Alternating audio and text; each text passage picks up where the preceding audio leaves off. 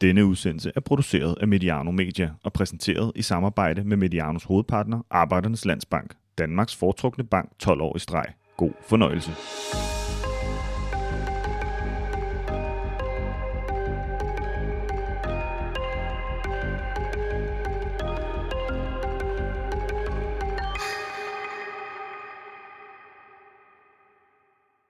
Danmark mangler kun to sejre for at garantere kvalifikation til VM i Katar. Og avancementet det kan allerede sikres i denne landsholdstermin med sejre over Moldova og Østrig.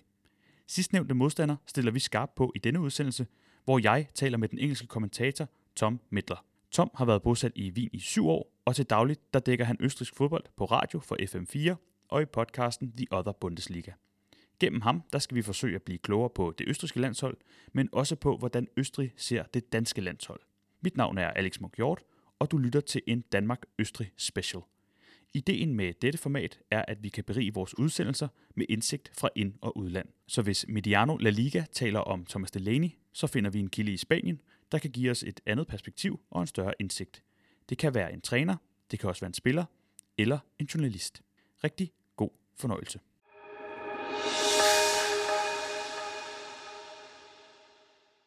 Tom, welcome to Mediano and uh, thank you for speaking with me.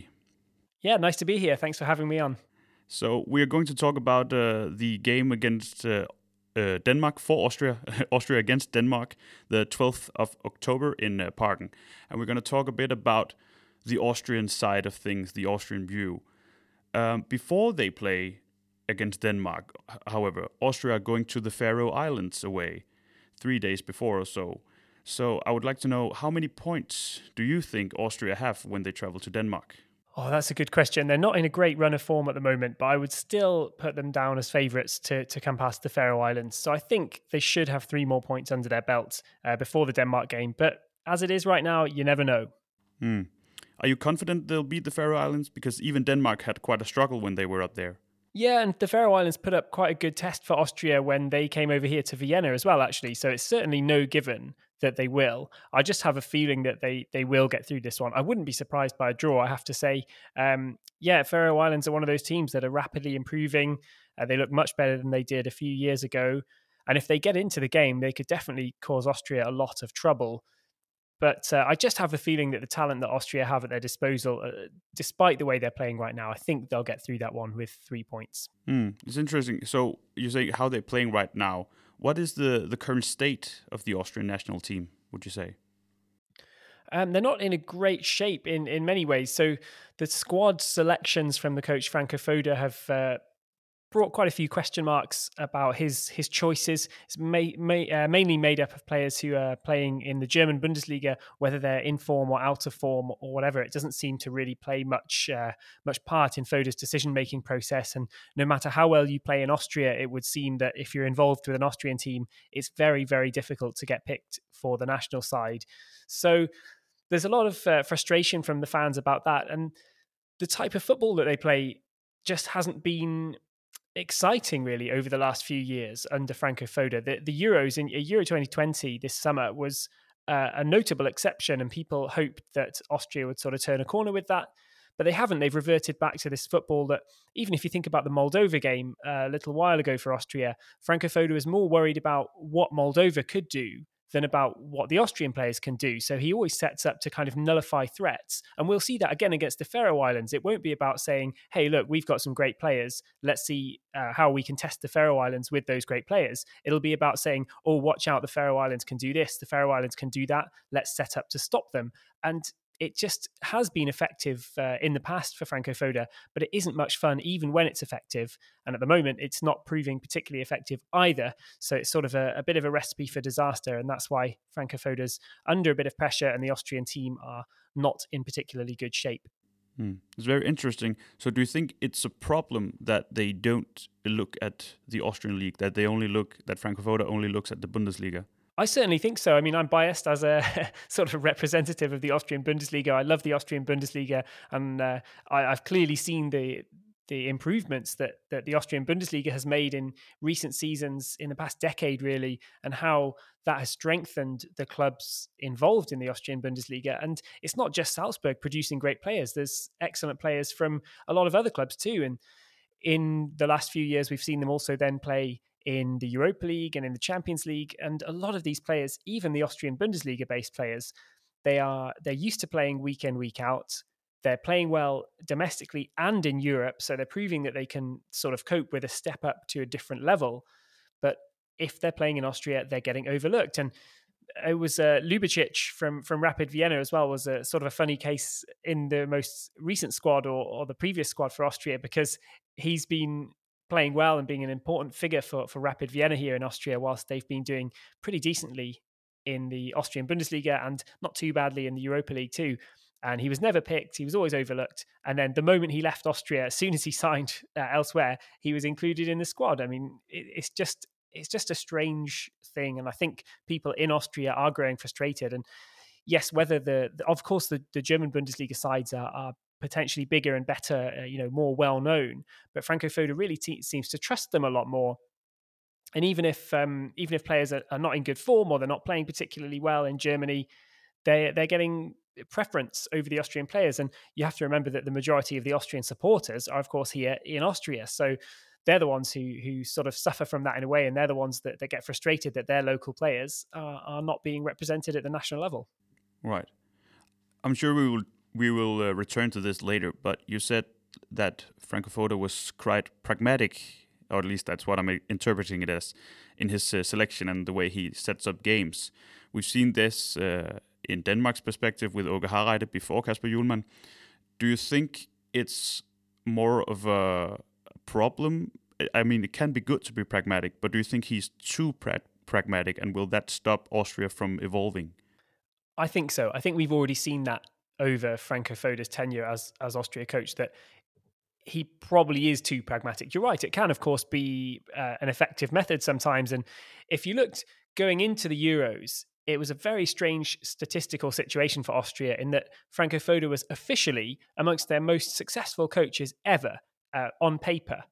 But nobody would ever have come away with that impression having watched an Austria match. And yes, the results were were there, but it was always very much underwhelming. And we've seen no squad development either throughout the course of his time. There's a lot of good Austrian young players coming through, and Franco Foda simply hasn't brought them through and given them the chances that they need in the national team. So it's uh, it's been a frustrating time. It's been a difficult time for for the young players. I, I think that a lot of players are beginning to feel like there isn't much in terms of a meritocracy getting into the team and that's frustrating when you're you know a young player pushing for an international place and the place is being instead given to somebody who's perhaps loyal to the manager or has just been around the setup a long time and kind of knows the way things work so the pathway seems to have broken down and i feel like this might be uh, the, the end. We're coming towards the end, I believe, of Franco Foda's reign as the Austria manager. Who knows how uh, how quickly it will end now. But um, I think the Euros was definitely the high point, and we're on a,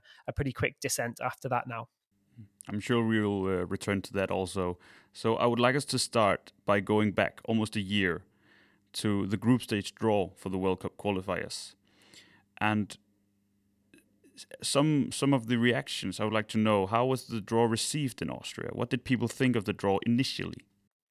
I think the very first impressions were quite positive um, all these groups are, quite tough. You know, when you're a team of Austria's level, there's already immediate fixtures in there where you think, you know, you look at those and think, okay, it's going to come down to these ones. But uh, when you've got opponents of the nature of, of, Scotland, you know, you're thinking, okay, if Scotland and Israel are kind of the the teams that we really need to be beating to to get up into the top two, then those are those are winnable ties. You could foresee getting 12 points from games against Scotland and Israel, or at least going unbeaten in those in those fixtures. Denmark was always going to be a tough one as well, but when you consider you know Austria's viewpoint on sort of the, the, the biggest teams that they could have come up against in the group, I think Denmark were seen as a, a positive as well, a, potentially a winnable, if not um, you know it's certainly not an easy tie by any means, but but a winnable tie compared to who who Austria could have got. So I think they they were very positive. Um, the questions at the time came also from the Nations League and the sort of possible backdoor that Austria have got, and whether that would distract them a little bit from giving everything to this qualifying campaign. I thought that was a ridiculous idea at the time, but I wonder now whether whether that's actually true that they know they've sort of it's almost like they've got the the playoff spot sealed already, and, uh, and that's cost them. The president of the uh, ÖFB, Dr. Leo Windtner, he said that the opponents were challenging, but it was seen as a balanced group. And also the captain at the time, Julian uh, Baumgartlinger, he also said that he was happy with the group because they would face teams of equal strength to their own. Do you believe that's true? Do you believe that was true at the time? Has it changed since then? Well, I, do believe that's true, but I think they were thinking of Denmark when they said that. And I think in reality, they meant Scotland. Actually, in truth, that's what it is. I think Austria are, are more on the level of Scotland than they are on the level of Denmark. And that's been proven. You know, Denmark have been impressive in that regard. I think you'll know far more than me about the the strides that the Danish national team has made. But um, but I think you know they've taken a step forward, and, and Austria sort of I wouldn't say they've really gone backwards, but they certainly haven't taken a step forward. Um, the, step that they might have liked to, and uh, the steps that that this summer made it look like they they were going to take. They they just haven't been there. So I think yes, they it is an even group. You know, eh, eh, there are there are several teams in the group. Israel as well have have um, been putting up a good fight for for uh, at least sort of half of their campaigns in the last decade. They they don't seem to be able to put together a, a very consistent group stage at, at any given point, but they can be very dangerous in in a given game. And I think Israel, Scotland, Austria, and Denmark would all have looked at the the group and thought with the with the teams we've got available to us, with the levels that we're all at any any of us two could finish in, in this top two. Hmm. And from the first three games, they drew against Scotland. That was away at Scotland, so that's a fair result, I would say. They won their game against the Faroe Islands, but then they got a visit from Denmark, and they got battered 4 0.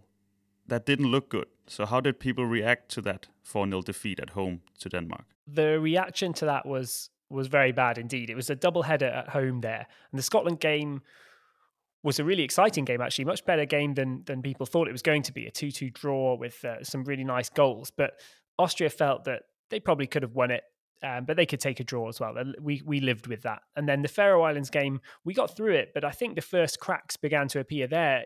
Like I said, it was more Austria really worrying about the Faroe Islands qualities and, and not concentrating on their own. And there were chances to bring on uh, good young players that, that weren't taken or were, you know, at least just very, very minimally used. And although we came away with a 3 1 win, I think everybody sort of had the feeling that we scraped that and that the Faroe Islands had really given Austria a, a run for their money. And then, unfortunately for Austria, that was really borne out in the game against Denmark. I mean, I was there for that one, and it was it was a very depressing scenario indeed. You know, it's a big big open stadium and uh, not a lot of people in attendance, and uh, that was lucky in a way for Austria, lucky for the manager too, because there was no chance for for a really big backlash in the stadium. But bear in mind, you know, Austria didn't have a single shot on target in that game, and I think one of the damaging things from Austria's perspective is that um, Foda tried out a couple of Austrian players in that game, Austrian Bundesliga players in that game, and it didn't go well. And you know that's his excuse now to sort of never touch those players again, which is which is very unfair and it's, it's unfortunate because it was a, a strange game, really. Uh, I don't think 4 0 was particularly a, an even result, but you know, 4 0 probably wasn't the, the deserved result at the end of the day, but you can't question the fact that Denmark absolutely blew Austria away in the second half and, and clearly deserved to win. And it was a very, very lackluster Austria performance. So it gave us really that the mood here was as low as it could possibly have been going into the Euros. Hmm. But before we touch on the Euros, four points from the first three games. Was that considered acceptable, or did the loss to Denmark eh, gain, gain too much of an impact?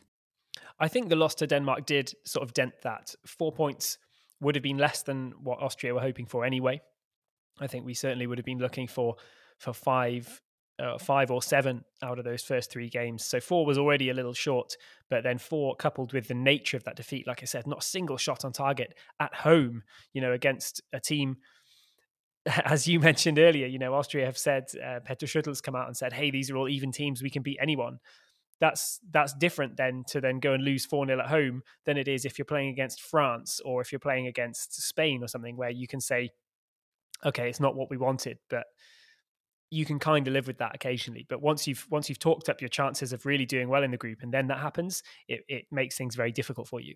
So now, turning our attention to the Euros, that was somewhat of a success. Was it a success? Would I should ask? Was it uh, how big of a su- success were the Euros for Austria? it was a very big success in many ways. And I think Franco Foda, as the coach, bought himself, he bought a lot of time with the way Austria played at the Euros. And the reason I sort of called it a bit of a false dawn earlier, and the reason that it, it instilled a lot of hope in Austria fans was because when when their backs were against the wall, Austria didn't revert to this defensive football that we'd seen. It was like perhaps the players uh, they they were burned by 2016. Remember, Austria qualified very very strongly for Euro 2016, and then really failed to turn up in the tournament. Again, got very conservative, got uh, got very defensive, and and sort of threw away their opportunity really. And, and it was like they were out before they'd ever even gone for it.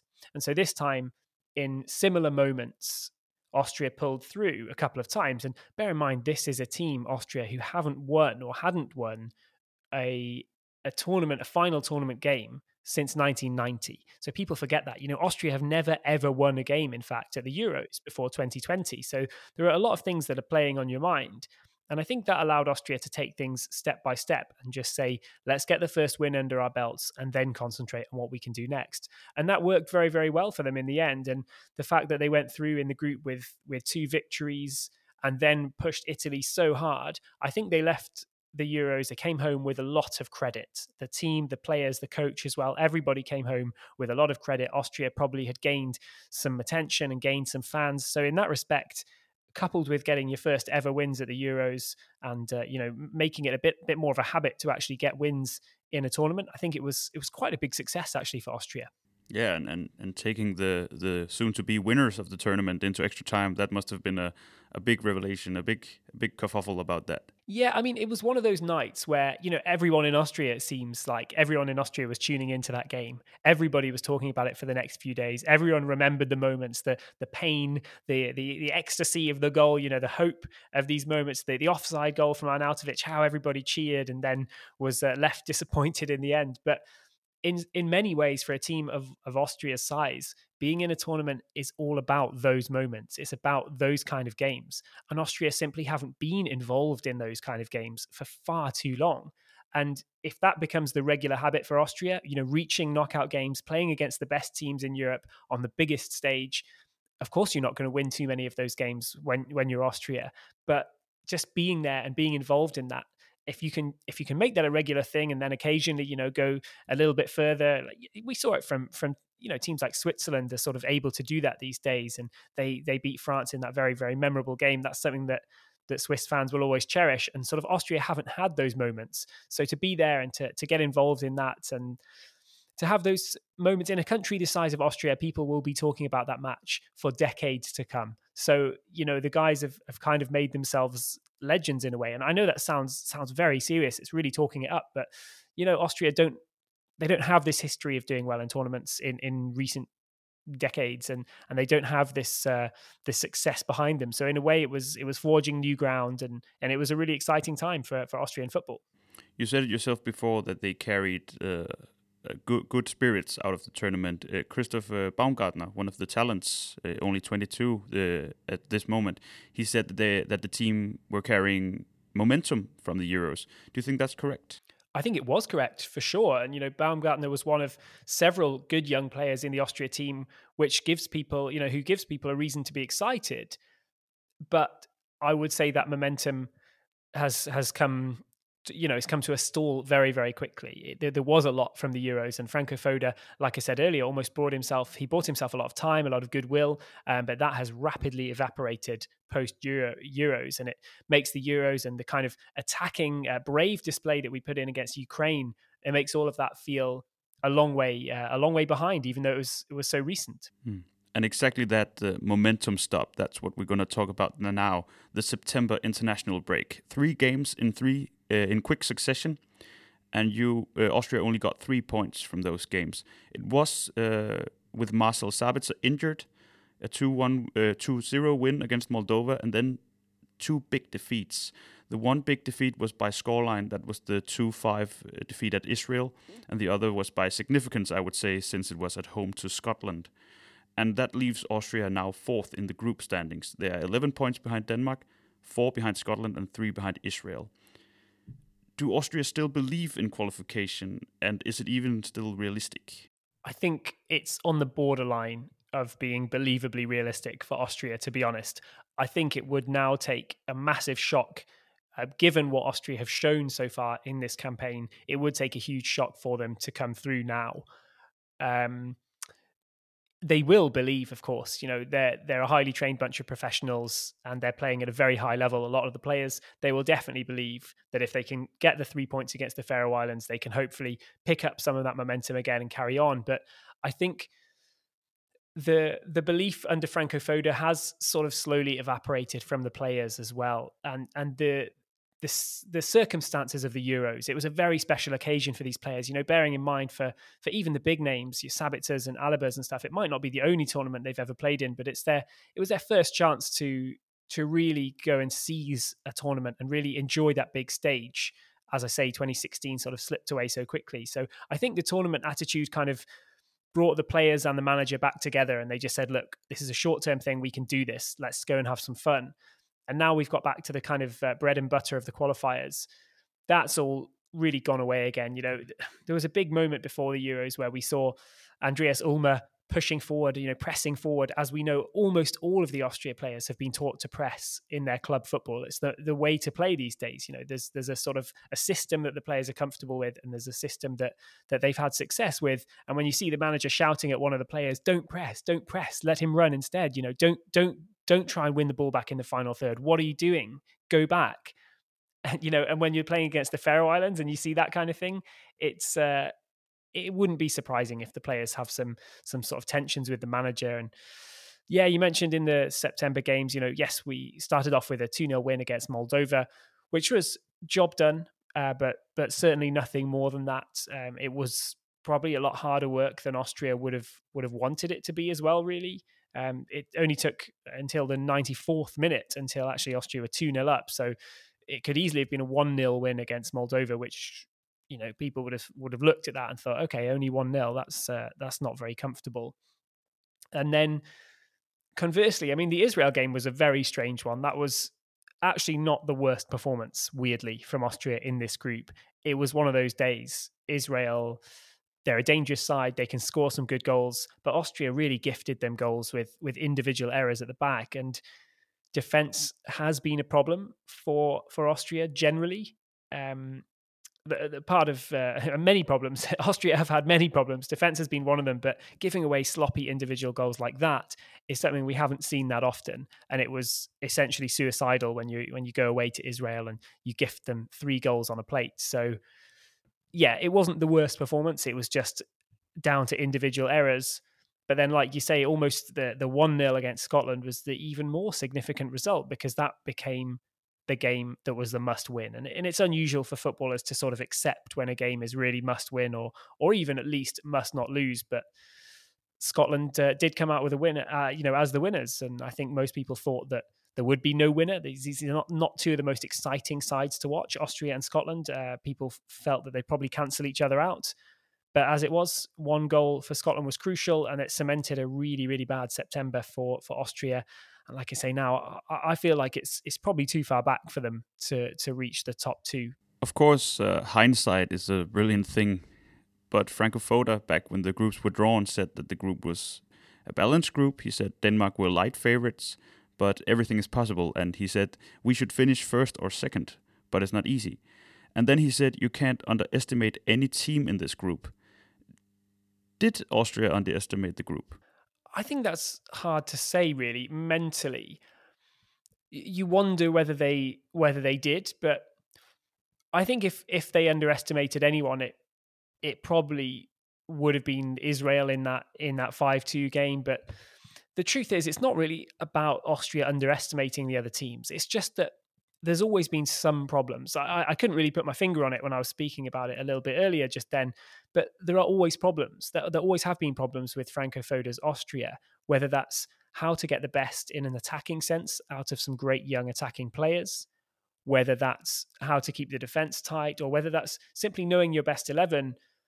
There's always been these problems. And this group stage with all these sort of, sort of evenly matched or, or closely matched teams on paper, that's exposed that because Austria simply should have more points than they do at this stage, and they shouldn't have conceded as many goals as they do at this stage. You know, they've conceded 13, which is one of the worst records in Europe uh, outside of the the very very minor teams. And they've only conceded nine, which is also not a particularly impressive uh, achievement given who's in the group and who they've played against so far. So essentially, there's there's there's no complete disaster going on at Austria, but there are little problems everywhere, and they've they've come up to catch Austria. You know, the other teams are perhaps still at a similar level, Israel and Scotland especially, but they've been able to utilize what they've got far more effectively than than Austria have. So I, I don't think they really would have underestimated anybody, but they just haven't been able to get the best out of themselves. Hmm. Now they have the uh, the upcoming game against Denmark. So it's a, it's a difficult question, of course, but how do they beat Denmark? Where, where are the exploitable weaknesses in the Danish team, do you think?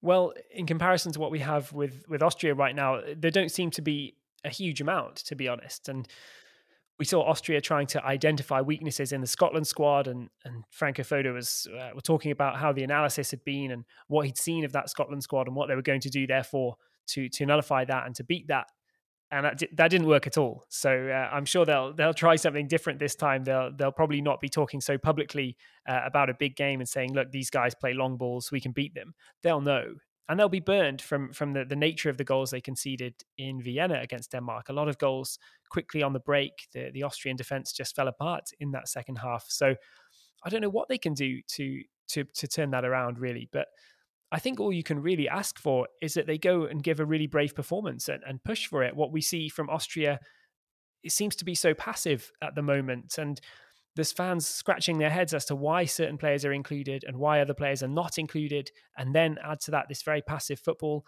I think if we come there and, and play passive football and even keep Denmark to a nil nil, I don't think that's going to win any uh, plaudits. You know, nobody's going to be be won over by that. So I, I think we need to see Austria you know, sort of, sort of cut the ropes and go for it, even though, yes, Denmark might well beat Austria if, if Austria do go for it.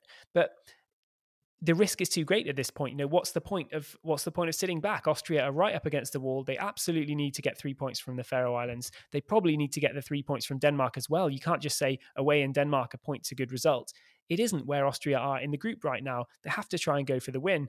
And I simply don't know if they're capable of doing that under Franco Foda. I don't know if they're capable of of really just letting the reins off and, and trying to win it. So Kasper Hjulmand has uh, largely been using the the three four three when he's played uh, the Danish team in the in the qualifiers. He started out with the the four two three one or the four three three, but shifted during the Euros due to Christian Eriksen's uh, unfortunate uh, heart attack so seeing from the Austrian pers- perspective, how does Franco Foda set up his team against Denmark?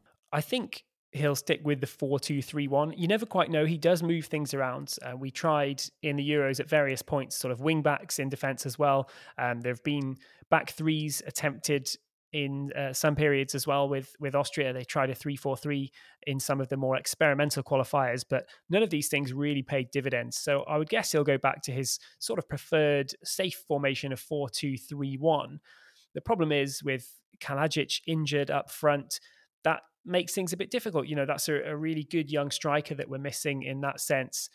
And then if you look around the rest of the squad, I think part of the frustrations that I alluded to earlier is that there are players like, you know, you've got uh, Gregoritsch, Onisiwo, uh, Alessandro Schöpf, players like this, they've amassed minutes between them this season in the Bundesliga without, you know, these are theoretically attacking players. And between the three of them, they haven't got a single goal in the, in the German Bundesliga and they've got one assist. And yet players like this are regularly making their way into the side. And at the back, you've got defenders like Dragovic, who is known to be, uh, you know, he's a He's a kind of buddy of Foda's system. He's a he's a trusted uh, trusted head at the back, but people have questioned whether he's still good enough to be the, the sort of number one centre back for Austria for a while now. So it's going to come down to probably whether Austria can actually make some.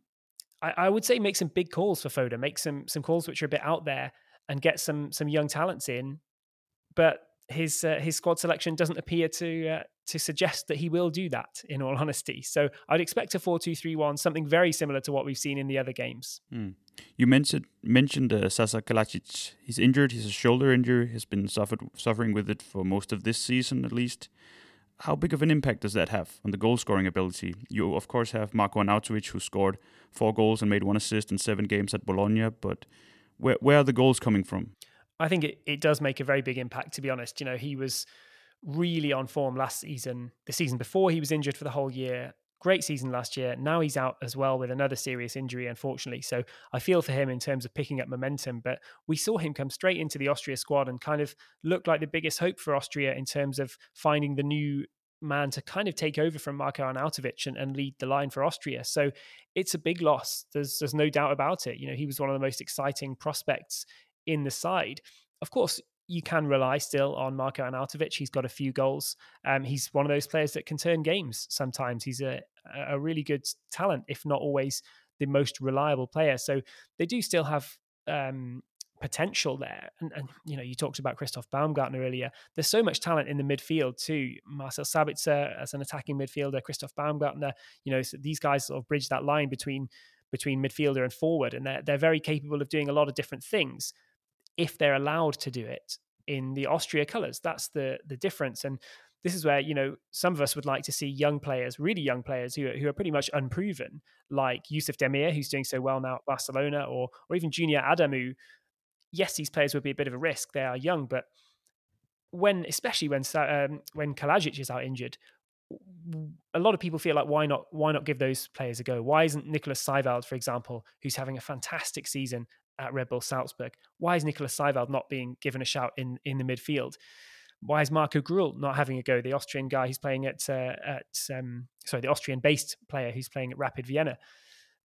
We, we, don't know. The truth is, we don't know. And for, for journalists in Austria, it, it's still uh, it's still a bone of contention. But we'd love to see some some different faces in there. But as it is, Kalajdzic is injured, and uh, yeah, I guess it'll be straight down to to Arnautovic again looking at the the strengths of the opposition, if we look at the Danish, uh, the best Danish lineup, who from Austria makes that squad? Yeah, a very good question. I mean, at the moment, I think Denmark have have a stronger squad than than people gave them credit for, perhaps before the Euros. I think people know a bit more about them after the Euros. But when you look around, I mean, you're probably better placed to say this than me, but would Marcel Sabitzer fit into the, the, Denmark squad? Probably. Would would David Alaba fit into the Denmark squad? I'm sure he would. You can find a place for players of that kind of quality. Um, not that Denmark would need him, but uh, Daniel Bachmann has uh, proven himself to be a very, very good goalkeeper for Austria. So that's a, a nice positive for us. But then you know, we there is a lot of quality. This is the the annoying thing. It's not about just stacking up our quality, the qualities of Austria against Denmark, who are undoubtedly a very talented side, but there is still a lot of quality in this uh, in this Austria team. You know, we talked about Baumgartner, Sabitzer, Alaba. There's there's more players in there, but there's also a lot of players. There's a bit of a divide between sort of exciting players who are not being used to their full potential, and then other players that you think, why why are they in there really? Um, so it's not like Austria have a, a lack of talent, but I think that just adds to the, the annoyance and, and, the negativity at the moment, really. You, you mentioned uh, earlier Yusuf Demir and Christoph Baum, Baumgartner. We've also talked about him. The talent, uh, how would you describe the, the footballing development in Austria? Are they on the rise? Are they on the, the decline? Are they going steady? Where, where are they going right now with, with developing footballing talent? I think developing football and talent is a, a, real strength in Austria at the moment of course, the lion's share of that is done by Salzburg and their incredible network of scouts. So, not all the players that we're talking about coming through Austria are from Austria or eligible to play for the national team. But to say it's just Salzburg would be completely sort of selling the Austrian Bundesliga short because there are a lot of other good teams who are developing or one or two good talents. And for the size of the teams and for the size of the, the sort of infrastructure of these clubs, the amount of talent that they've been able to develop uh, on the budgets that they have is very, very good. And Yusuf Demir is a really good example of that. You know, he he's looking so, so comfortable at Barcelona already on this kind of unusual loan move from Rapid Vienna to Barcelona. But he looks like a, a really, really good talent. So comfortable on the ball, really composed in the big moments, able to score goals from nowhere from midfield, and and just brilliant uh, in terms of technical skill as well, and and yet still very very young. And we've seen the Austrian league in the UEFA coefficient, it's moved all the way up to uh, a current standing of, of P8. So whether Austria finished there at the end of the year, I'm not sure, but still to, to have a league I think most people imagine the Austrian league, if they don't know it, they imagine it being somewhere around sort of 20 in Europe. But actually, it's just not true at all. You know, it's, it's right inside the top 10 and, and competing against the likes of the Netherlands, uh, Ukraine, Belgium, and Russia, where I think people don't really think of the Austrian league in the same terms as, as that. And it's not just Salzburg who've been pushing that development either, although they, of course, have a large part to do with it. It's very interesting because you say Austria as a on the UEFA uh, coefficient. You said eight. In in the in the current standings as it is right now, it's eight. But I think at the end of the season, it, it probably will not be. Probably nine or ten by the end of the year. But if you look at like uh, for example Denmark, I think they're twenty fifth or twenty fourth right now. In the the, the standings of the national teams, Denmark are tenth and Austria 20, 29th. yeah, so you switch it around. yeah, it, it's it's it looks like quite odd when you look at the Danish national team. Of course, many of the talents in the Danish national team uh, have been developed in Europe in some of the bigger leagues and some of the bigger clubs. Does Austria have do they, do they have that too? Do they have some some talent going abroad? I know Demir at Barcelona is quite recently, but but where where does the elite talent go to in Austria? Potentially, that's something which which hurts Austria in the long run. Is that as opposed to a lot of other leagues, um, you know, if you think about Belgium, for example, you know, often uh, world number one in terms of the national team ranking, and their league is also similar to Austria in terms of its um, uh, UEFA coefficient ranking. But if you're a Belgian player, you go to to a lot of different leagues. You go to France, you go to Germany, you go to the Premier League, you, go wherever really. Whereas in in Austria, there's a clear pathway which takes good young talent away to Germany, and Germany's a very deep football league system as well. As a I think in terms of the sort of the depth of the football league system, Germany is is only really rivaled with with England um, in terms of you know having big clubs all the way down through the system. And what that means is that good talent from the Austrian Bundesliga, where there is virtually no money, you know, people would always be shocked at the the wage packets in the Austrian Bundesliga. It's very very small. You know, you can be playing in the Austrian Bundesliga and still living almost like an amateur footballer, really, especially if you're a young player.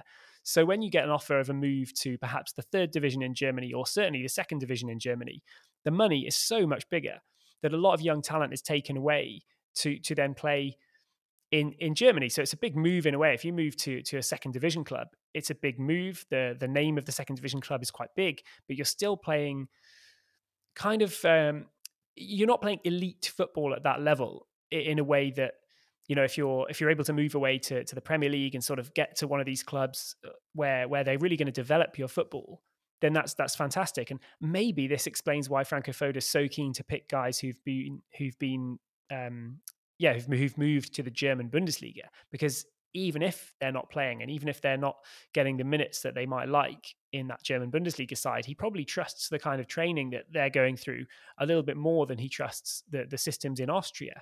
Um, I'm not sure that's entirely fair, given that you know the Austrian systems have probably changed a little bit from the days when he was a player over here, and, and maybe even from the days when he was a coach over here. But it seems to suggest that clear pathway is is obviously with the language situation. Austrian young Austrian players go to Germany, and uh, unless they're making it through into the the Bundesliga and really developing at the top level, maybe that's one of the things that explains the the difference between the the sort of link between the league's progress and the national team's progress. It's very interesting.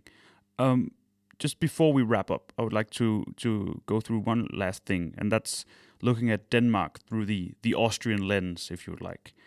Um, of course, Kasper Hjulmand has come in. He's created an, an interesting playing Danish football team who also deliver results. They obviously got to the semi-final of the Euros. How is Denmark's recent success seen from Austria's perspective, and is it something they think they can or are trying to emulate? I think in in a way, yes. I think there is some jealousy of that because traditionally um, Denmark have been. I mean, you mentioned you know they're sort of floating around the the top ten in terms of the the European teams and, and the world rankings and stuff. And Austria have have probably seen themselves at a, at a similar level in the past. You know, Denmark have been a side who perhaps were comparable to Austria for, for many years, but at the moment, you know, Denmark obviously have some great history more than Austria have in, in recent years. But if you look at uh, probably a, you know an average uh, year over the past twenty years, you could in many of those years perhaps put Austria and Denmark side by side. So to see Austria kind of making some progress, but then that progress is is really dwarfed by by the progress that Denmark have made, and there's such a bright future for Denmark. I think people are frustrated, and p- people are probably a bit jealous that that's not really the case for Austria at the moment. So I do think they're they're seen as a as a kind of a trailblazer, and, and it's like you know what what can you do as a national team when you've got a fairly small uh, domestic league? How do you develop talent? How does that work? for the benefit of the league? How does that work for the benefit of the players and the benefit of the national team in the long run?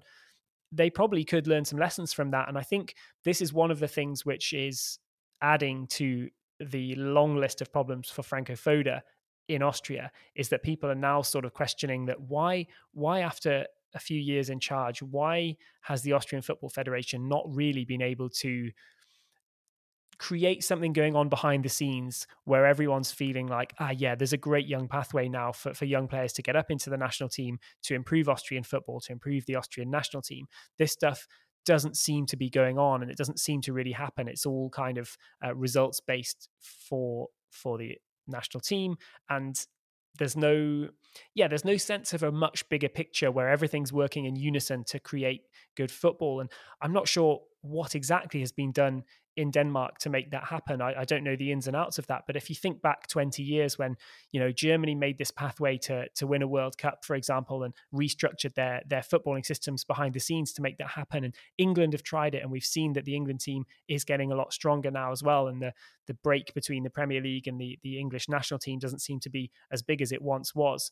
So there's just a feeling that Austria are not doing that. And, and if if it's if a team the size of Denmark or a nation the size of Denmark can do it, then then Austria probably should be able to do it too. Would you say that Denmark has set an example for the smaller nations that that great achievements are still possible? I think definitely. I think absolutely. If you think about the the nations that that uh, that are floating around in the qualifiers, there are a huge amount of teams who are not in that top top elite group, but would like to break into it. And when a team like Denmark does break into it, then it, you have to be a role model. There's, there's no doubt about it. You know, there's, I think sometimes there's unnecessary pressure and there's unnecessary expectation put on national teams. When you imagine, you know, how many big nations there are, how many really big nations there are and how many teams can actually reach, for example, the semi-finals or the quarterfinals of a major tournament. It's not many. There are not many spaces for teams. So to be ranked, you know, for some teams to be ranked 25th in the world is a good achievement, even though it's overlooked by most football fans. For some teams to be ranked 10th in the world is a very good achievement, even though again you're going to be overlooked by the kind of football fan who only watches the Champions League or who only thinks that uh, Paris Saint-Germain are a good football team or or Brazil are a good football team and nobody else. You know, there's a lot of football fans out there who are like that. But I think if you look beyond this, you know, beneath the surface a little bit, actually achieving the best that you can do with with what's available and, and, pushing those boundaries forward is actually really worthy of respect. And if you look at what the Faroe Islands have done, you know, I know we mentioned them in the group, and that's a that's an away double header. I'd love to go to, to Austria away in the Faroe Islands and then Austria away in Denmark. Would have been would have been great to be there for that.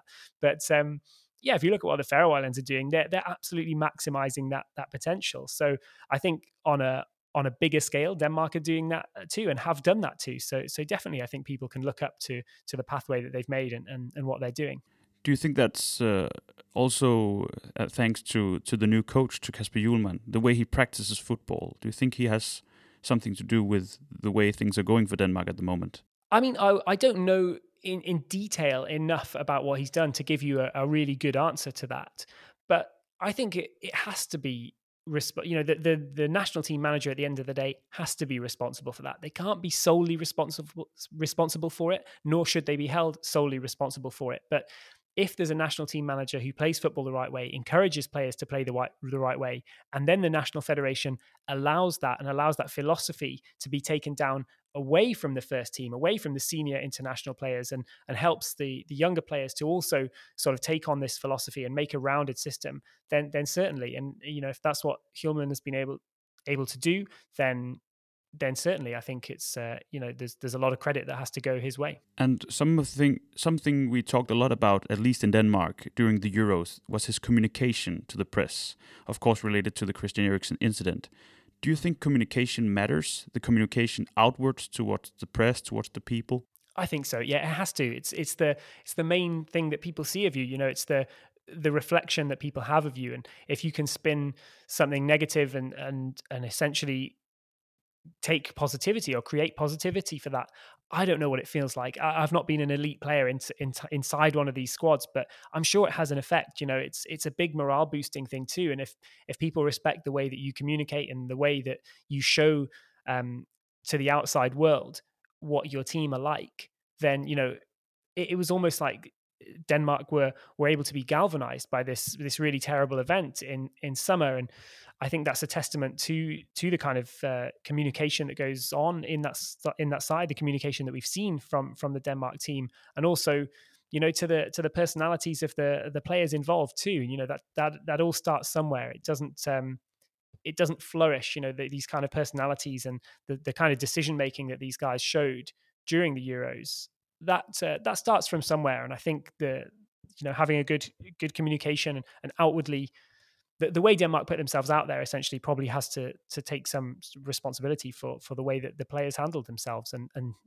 the the sort of positivity surrounding what was a, a, very very negative moment. We talked a bit earlier about the the Austrian football development. How do you see the the Danish football development? We have a lot of young talent on the national team, and they're performing at at a high level, I would say, uh, alongside the established players. Yeah, I mean, like I said, it's just something that we can be a little bit jealous of, really, because there's also a mix of of young talent uh, playing alongside established players here in Austria, but we're not uh, we're not seeing the young talent given enough chances. So for us, I think it's just a it's it's a lesson to learn about you know giving players the time and space to flourish that that perhaps is not happening in Austria.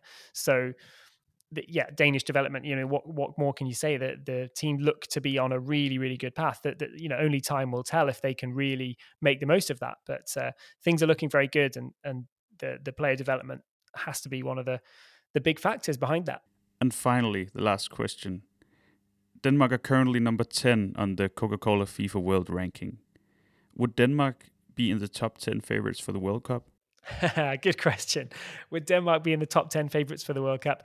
I suppose um, if you think back to you know just what I said a moment ago, you know, how many teams can really go all the way? You know, there's only four from the whole world who can end up in those semi-finals. So if you're in if you do finish, if you imagine if you do finish 10th as it were in the World Cup, it uh, it might not even be good enough to to sort of be a good tournament you know, if you finish 10th, you haven't even reached the quarterfinals. So that sort of puts it into perspective a little bit, the task ahead of a team like Denmark. So I think you've got to take it take it one step at a time. You know, try and reach reach the quarters, reach the semifinals, and then you know even if that's uh, if you can beat your tenth place ranking in the world, then that's a very very impressive when it comes to a World Cup. So I guess Denmark would be maybe they, they'd be, they'd be just on the edge of that top 10 for the favorites for the World Cup as well. Who do you who do you see as the biggest challenge for a team like Denmark? We lost of course against England, but are there some teams like the Brazil, the Argentina? Do you think we have a shot against them? I think so. I think one of the the problems for a lot of teams in the World Cup tends to be that teams like Brazil and teams like Argentina, just just to pick the ones that you mentioned, they have a way of winning sometimes. You know, how many times have we seen Argentina not very good going into a World Cup and then they go long, you know, or Brazil are struggling and then they they go deep into the knockouts as well. Germany as well are one of those teams that constantly do that. Italy too. So the problem for for a team like Denmark is almost what we're seeing with Belgium now, in that on paper, Belgium have got a team to beat anybody, but put Belgium up against a classic big name of world football and they seem to fall apart. It's just, it's sort of etching your team into that that that mindset of being a really really top team it's not about the players. There's something else. There's something behind that. And, and, Denmark are there on the, on the players' side, or they're getting there. And the the journey going forward is going to be a really exciting one for for Denmark. But they need a statement win from somewhere. All, all, teams need it. You know, you need a sort of statement win that says, yes, you know what, we can beat the established elite teams in in inverted commas. We can beat those guys. And uh, that I think if, if Denmark can pick up something like that, that will will do them all sorts of favors. And that's one of the, to come back to this World Cup qualifying group, that's one of the problems with this. Denmark are going to win this qualifying group. They're going to go through to the World Cup and they won't have played anybody elite during the qualifiers. And sometimes that comes back to, to, to hurt you. And I've seen that with England a lot in my life too, where England can sail through qualifiers, but there's no good teams. There's no really good teams in the qualifiers. Of course, there are good teams, but there's no top, top teams. And that denies you the chance to play against really big names. And that's where you forge this self confidence, this self belief that really takes teams uh, into the semi finals and finals of tournaments, I think. And on that note, I think we are truly covered for the game coming up against Austria. So, Tom Middler, I would just like to say thank you so much for joining us. Thank you so much for letting us know a lot about Austria. I think uh, we got around some some good topics, and uh, a good day to you. Thank you very much. Uh, it's been a real pleasure, and uh, enjoy the game. Udsendelsen, du lige har hørt, var produceret af Mediano Media og præsenteret af Medianos hovedpartner, Arbejdernes Landsbank, Danmarks foretrukne bank 12 år i streg. Tak fordi du lyttede med.